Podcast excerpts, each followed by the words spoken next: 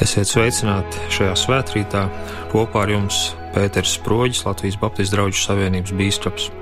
Aicinu, ka mūsu kopīgās pārdomas šajā svētdienas rītā varam iesākt ar uh, svēto raksturvārdiem no Sālama mācītāja grāmatas 11. nodaļas, 4. panta.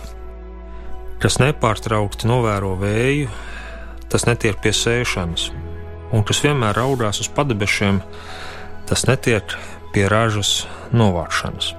Tie ir svēto rakstu vārdi.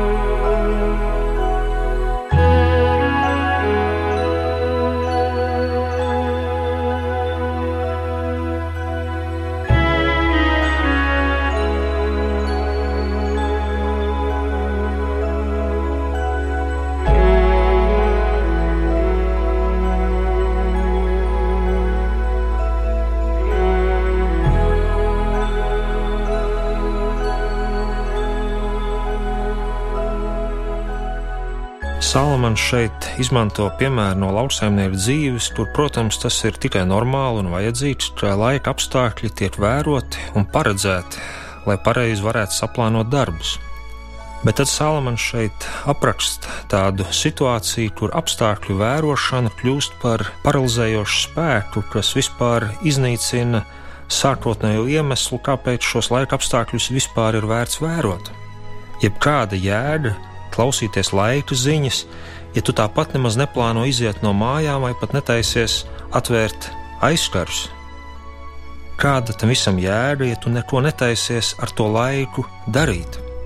Un tā netieši Salmans, protams, arī norāda uz to, ka, ja mēs plānojam darīt kaut ko dzīvē svarīgu un nozīmīgu, tad gandrīz nekad tam apstākļi nebūs ideāli. Ļoti viegli būs pamanīt kaut ko, kas liks domāt, varbūt vēlāk, varbūt rīt. Kur rodas šādi cilvēki, kurus varētu apzīmēt kā tādus vēja vērotājus? Vieglāk jau parasti par tādiem problēmu cilvēkiem ir domāt un runāt otrā personā. Tie ir viņi un viņas, ne jau es. Iemesls bieži tādai cilvēku attieksmei ir visai vienkārši. Reizēm tas vienkārši ir slinkums un iekrišana tādā dzīves ērtumā.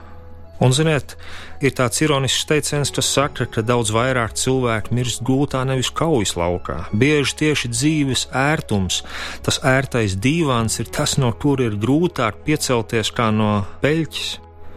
Bet bieži iemesls tādai vērošanai un dzīves pasivitātei ir jau nedaudz dziļāks, un tā iespējams ir slikta audzināšana, un e, jaunam vīrietim vai sievietei grūti dzīvē atrast savu misiju, uzņemties savu atbildību par savu dzīvi, par savu darbu, par savu karjeru, par savu ģimeni, par saviem bērniem, uzņemties tēvu un mātes lomu. Ja šis cilvēks to nav varējis redzēt bērnībā, ja viņš nav varējis to piedzīvot, ja viņš to nav varējis mācīties, ja viņš tā nav audzināts.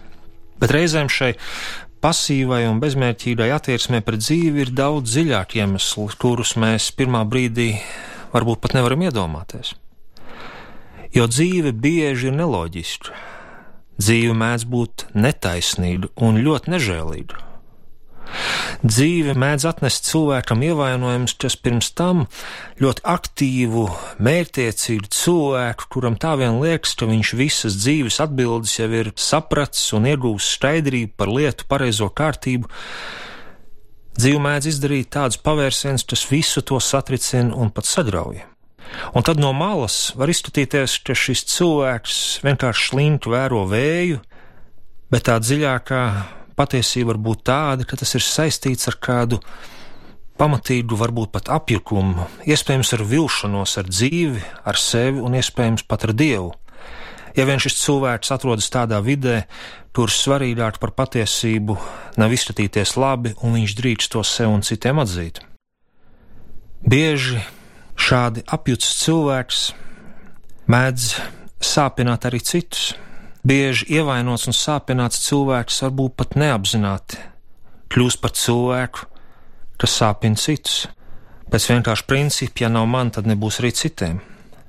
Sāpes bieži tiek nodotas tālāk, no paudzes paudzē, bet tad ir cilvēki, kas brīnumainā kārtā piedzīvojuši pāri darījumus un netaisnību un sāpes, kaut kādā pārdabiskā spēkā izmanto savu dzīvi, lai šīs sāpes apslāpētu sevi, un vēl vairāk, lai no tā visa varētu piedzimt kāda dziļāka žēlsirdība un cerība, kur nodot tālāk.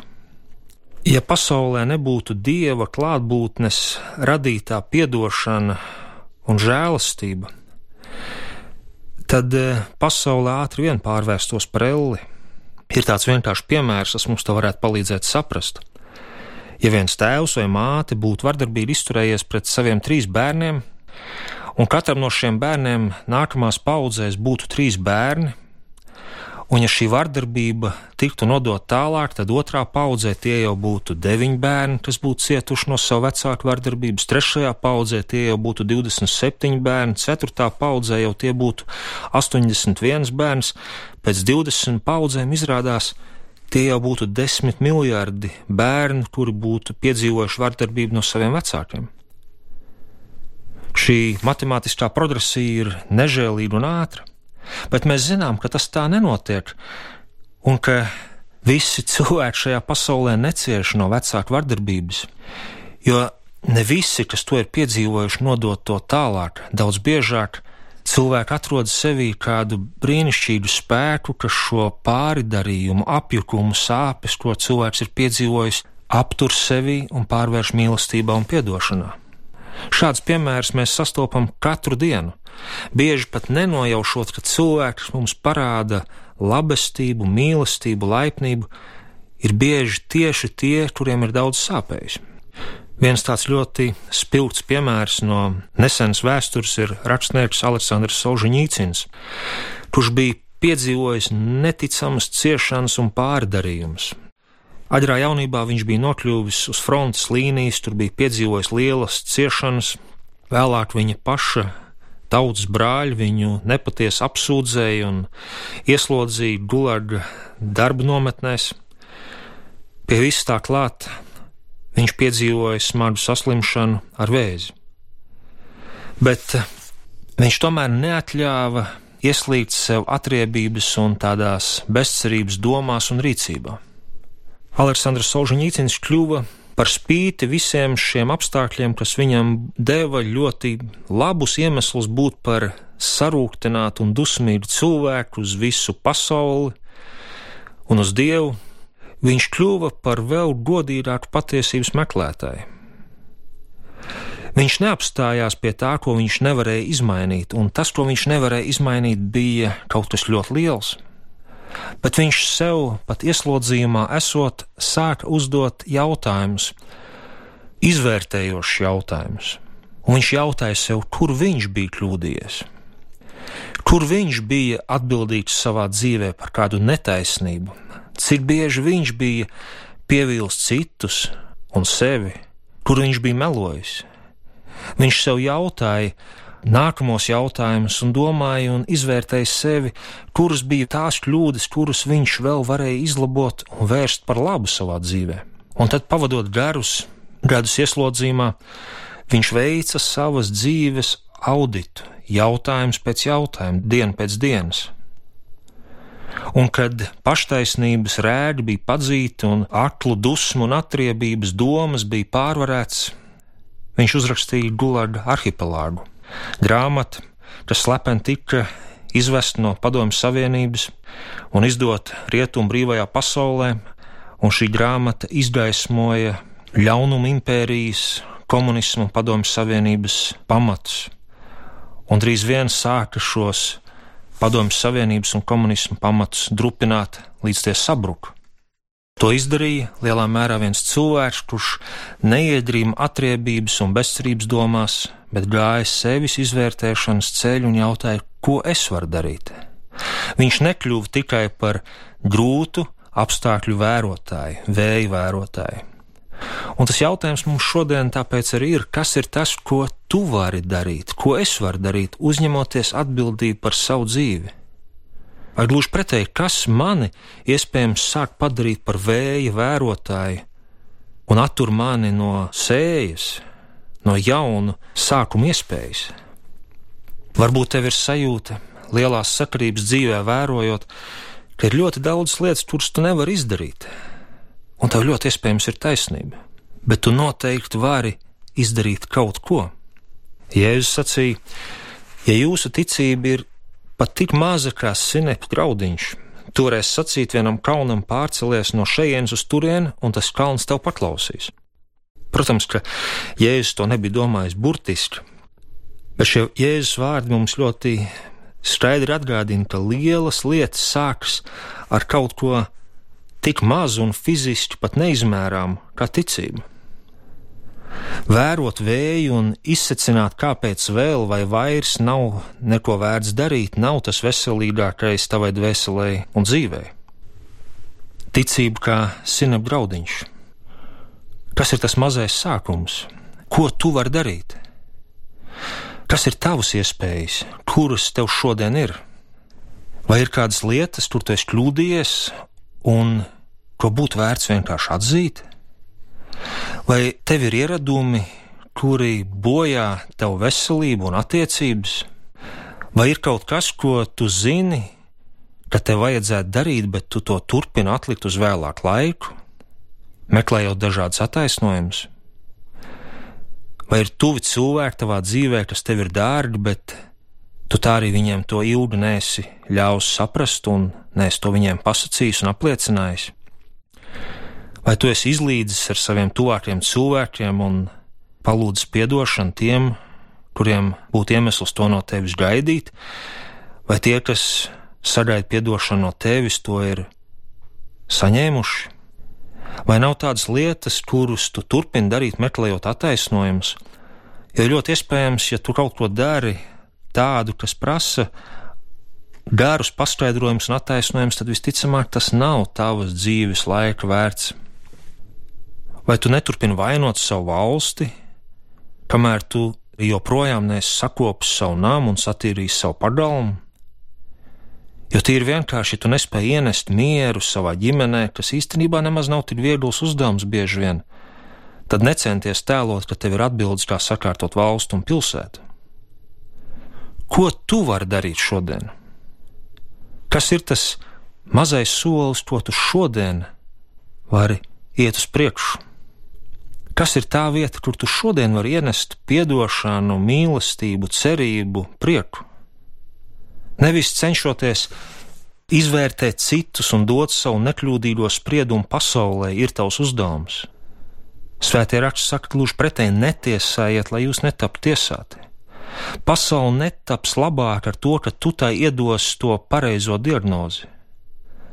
Tas nenesīs arī apskaidrību un jēgu tavai dzīvē un tavai dvēselē.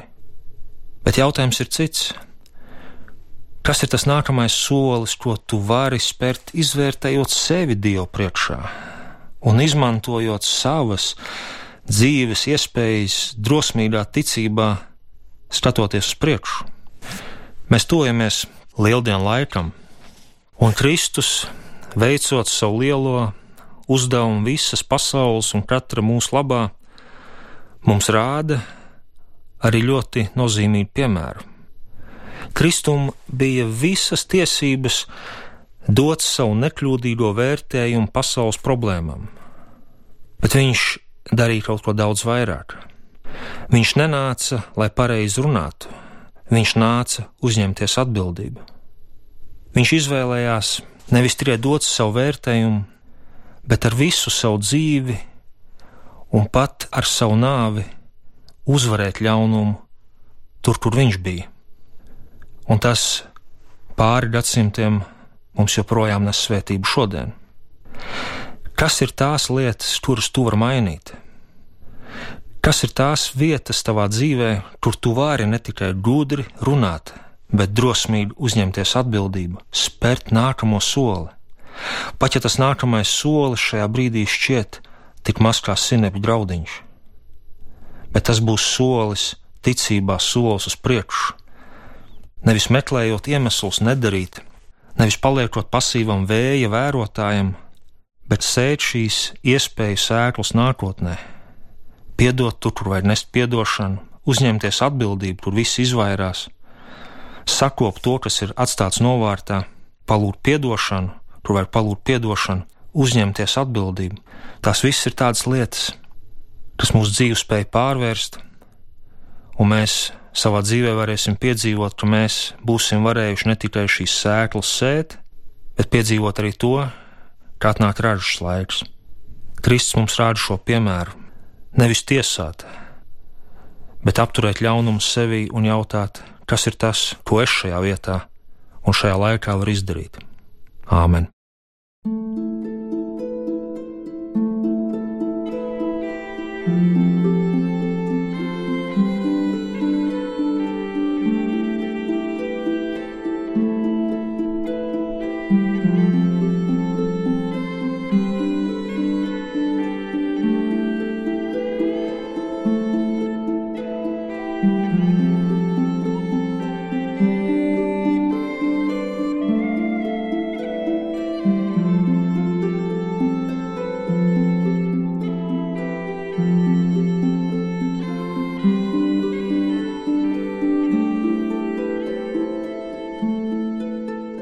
Svētais mūžīgais Dievs, paldies, ka tu sūtīji savu dēlu Jēzu Kristu pasaulē, un ka tu caur savu dēlu mums atklāji savu patieso dabu un eh, rādi mums savu atdošanu un aicini sekot tavās pēdās, nest atdošanu, kur tas ir nepieciešams, un uzņemties atbildību, un nebūt tikai pasīviem vērotājiem tajā vietā, kur mēs katrs dzīvojam.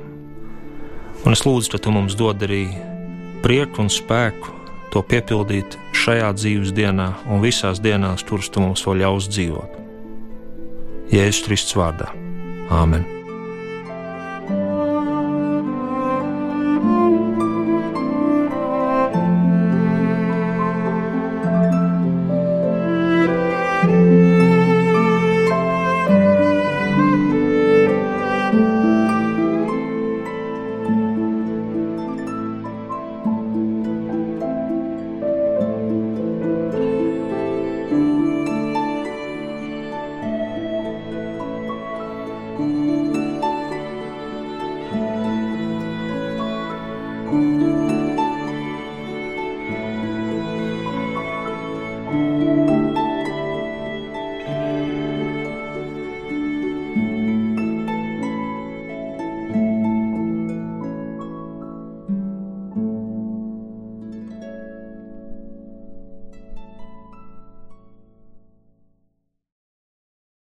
Šajā svētkrītā kopā ar jums bija Pēters Sproģis, Latvijas Baptistu draugu savienības bīskaps.